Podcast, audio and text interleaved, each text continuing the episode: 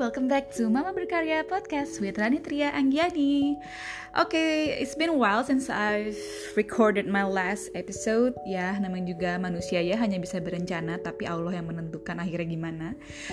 Ya, karena satu dan lain hal, ya tertunda aja. Nah, sekarang uh, episode baru ini sebenarnya pengen membahas suatu topik yang sepertinya sih berat tapi I will try to explain in a very simple way gitu. Jadi sebenarnya topik ini tuh asalnya dari video YouTube yang cukup viral pada masanya itu uh, YouTube-nya uh, Ray Dalio.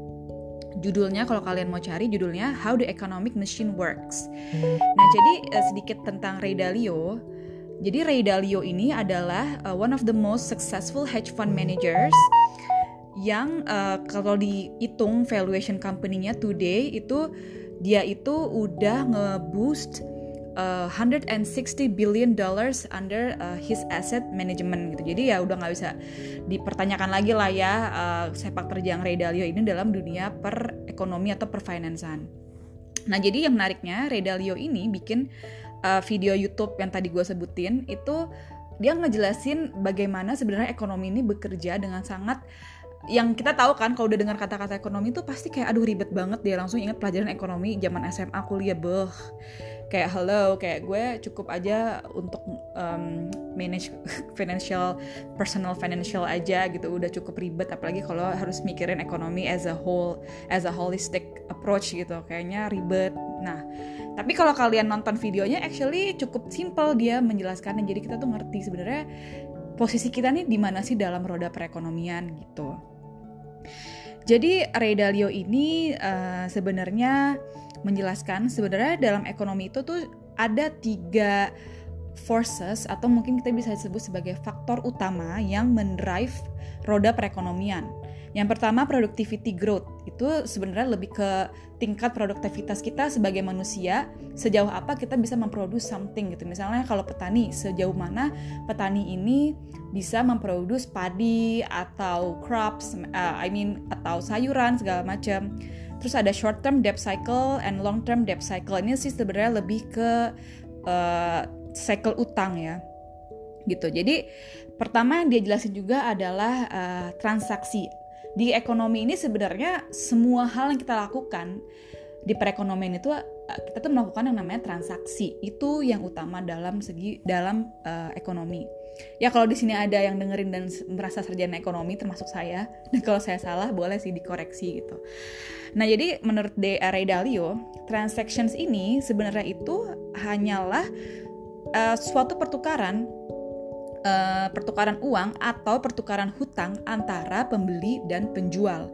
Nah, pertukarannya ini uh, mereka tuh apa sih yang ditukarkan? Jadi yang ditukarkan itu sebenarnya adalah tiga hal nih yang utamanya yang kita tukarkan. Pertama adalah produk. Of course misalnya kalau gue adalah seorang pedagang roti yang gue tukarkan adalah roti itu sendiri yang uh, in return gue dapat duit gitu. Kedua services jasa. Misalnya mm, gue nih uh, sekarang keadaannya gue adalah uh, bekerja dengan menjual jasa gue sebagai digital marketing uh, advisor atau konsultan segala macam agensi lah gitu ya. Yaitu adalah services. Yang terakhir adalah financial assets. Kayak reksadana saham obligasi segala macam. Ya gue kurang ngerti sih apa aja financial assets. Tapi yang uh, yang gue ngerti adalah financial assets kalau kita membeli kayak reksadana atau saham sebenarnya pun itu kita melakukan yang namanya transaksi juga gitu. Nah, siapa aja yang melakukan transaksi? Itu ada bank, pemerintah dan juga kita sebagai individual atau B2B atau business to business. Nah, itu sih sebenarnya simpelnya apa sih itu ekonomi. Jadi ekonomi itu adalah pertukaran transaksi ini sendiri gitu. Nah, di sini kita juga bisa udah bisa ya memposisikan sebenarnya yang kita tukarkan itu apa sih dalam bekerja gitu. Kita udah bisa aware nih, oh kalau gue berarti produk, oke okay, kalau gue jasa. Jadi kita tuh dengan tahu hal-hal seperti ini, kita tahu uh, skill kita tuh sebenarnya adanya di mana gitu.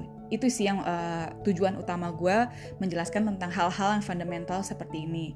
Untuk ke depannya kalau kita udah tahu posisi kita dalam this society of uh, of the world of or the economic uh, cycle kita tuh tahu gimana cara kita bisa um, mengembangkan diri kita ke depannya gitu. Oke okay, jadi uh, hal yang menarik lagi yang dia uh, apa namanya yang dia jelaskan dalam videonya itu adalah adanya istilah productivity growth. Jadi yang uh, dia jelasin, over the time we learn, we accumulate knowledge, we work, and all of this drives productivity growth. Productivity matters in long run, but credit matters in short run. Productivity growth doesn't fluctuate much and it's not big driver of economic swings, but depth is.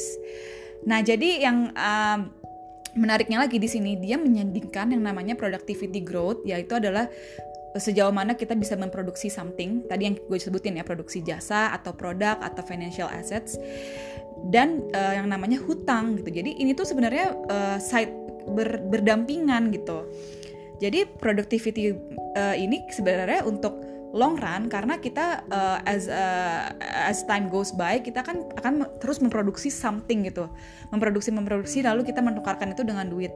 Lalu ada juga yang namanya hutang karena uh, ketika kita mendapatkan sesuatu in return dari produktivitas kita misalnya kita jualan uh, roti nih kita dapat uang kan dari hasil produktivitas kita ngulen roti manggang roti itu kan productivity kan. Kita dapat uang dari hasil jadinya barang jadinya ini uh, misalnya 500 ribu sebulan. Tapi kita spend more than 500,000 uh, rupiah in a month. Uh, kita misalnya spend 700 ribu oke berarti 200 ribunya kita harus ngutang.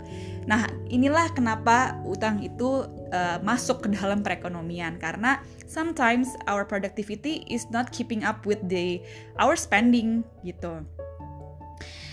Uh, jadi itu sih. Jadi uh, yang dia uh, Ray Dalio sebutkan juga once kita itu berhutang sebenarnya kita menambahkan income kita di saat ini tapi mengurangi income kita di masa depan gitu. Bayangin misalnya kita di sini hari ini yang harusnya kita hanya spend 500 ribu or less kita spend 700 ribu. Jadi 200 ribunya itu kita sebenarnya ngutang dari diri kita di masa depan. Jadi di masa depan harusnya kita bisa spend misalnya kita harusnya bisa spend 1,2 karena gajinya udah naik gitu atau pendapatan kita udah naik. Nah 200 ribunya ini kita harus bayar utang kita di masa lalu. Itu sih jadi um, simpelnya seperti itu. Jadi itu kayak wow mind blowing juga ya sebenarnya.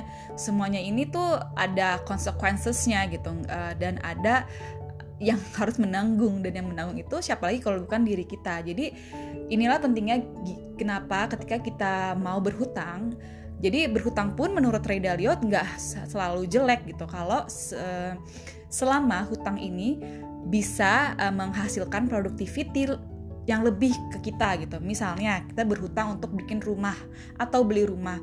Rumah ini membuat kita bisa lebih produktif karena kalau di apartemen misalnya kan sempit, bikin roti uh, eh, 500 biji udah sempit gitu, udah males, udah nggak mood. Nah kalau kita beli rumah kita bisa bikin pabrik kecil-kecilan gitu dan kita bisa produce ribu roti yang membuat income kita lebih banyak. Nah itu adalah contoh hutang yang bagus karena dia akan menambahkan productivity growth kita gitu as a human being. Jadi itu sih. Jadi uh, itulah tipe hutang yang kalian harus uh, justru harus uh, uh, lakukan gitu. Nah, apa sih hutang yang sebenarnya nggak harus kalian lakukan? Misalnya ngutang beli makan itu kayak menurut uh, Ray Dalio dan menurut saya juga gitu itu tuh nggak ada faedahnya karena ketika kita ngutang untuk beli makan atau beli minum sebenarnya kita bisa get those kind of um, stuff with ya udah cash aja gitu. Mungkin kita nggak usah beli makan yang mahal-mahal beli aja makan yang ada pakai bayar cash gitu. Ya itu nggak akan mengganggu produktivitas kita di masa depan gitu atau nggak akan ganggu cash flow kita di masa depan. Karena yang kita ibaratnya di masa depan kita tuh akan terus bayarin bayarin uang makan kita di masa lalu kayak for what gitu kan dan itu nggak menghasilkan produktivitas sama sekali gitu itu contoh contoh simpelnya aja gitu debt yang uh, kurang bagus karena itu tidak menumbuhkan productivity sama sekali gitu.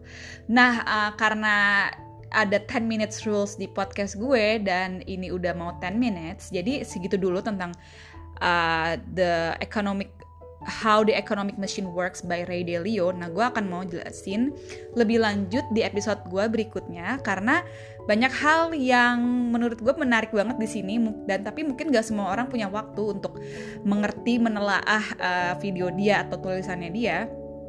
Hmm, jadi gue akan mencoba untuk menjelaskan dengan bahasa-bahasa yang lebih uh, gampang kayak gini.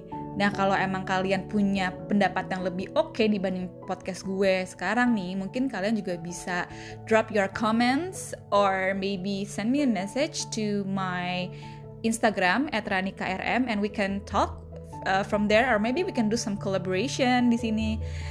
Uh, ya, yeah, oke, okay, segitu aja. And thank you for listening and uh, see you on my next episode. Bye.